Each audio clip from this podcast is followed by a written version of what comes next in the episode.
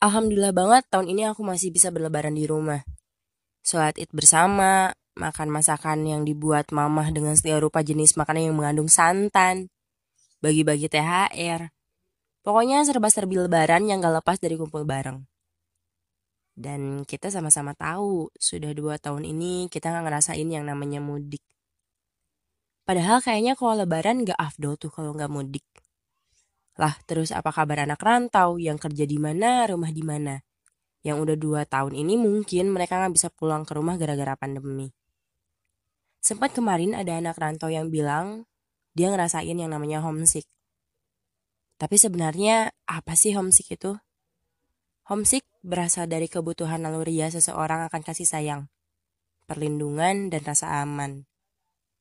Menurut Josh Clapow, seorang psikolog klinis dan profesor di University of Alabama School of Public Health, Amerika Serikat, panjang juga ya ngomongnya, mengatakan jika homesick sangat berkaitan dengan keterikatan. Terus, kenapa sih homesick itu bisa terjadi? Setelah aku riset dan searching juga, ada beberapa faktor, kayak di antaranya udah terlalu lama tinggal di perantauan, dan biasanya orang tinggal lama di perantauan karena pekerjaan.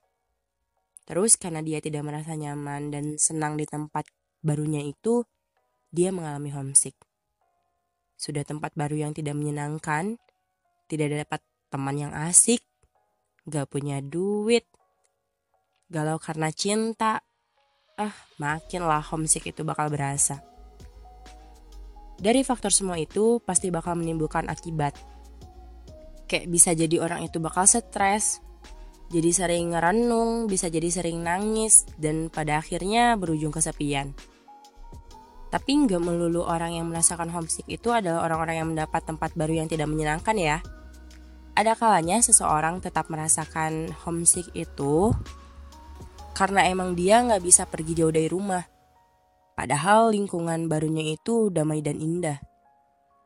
Terus buat ngatasinnya, kayak gimana?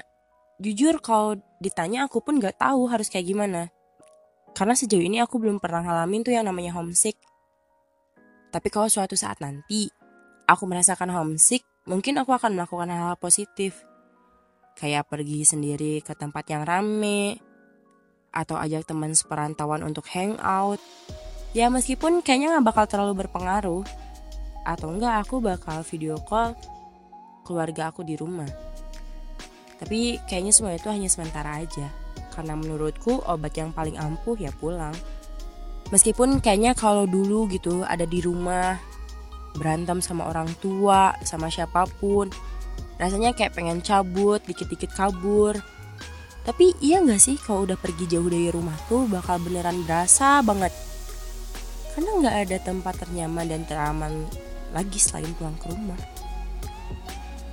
Untuk kalian yang jauh tinggal di perantauan, jangan pernah merasa sendirian. Hubungi keluarga kalian dan bilang kalau kalian rindu. Jangan kalah sama ego.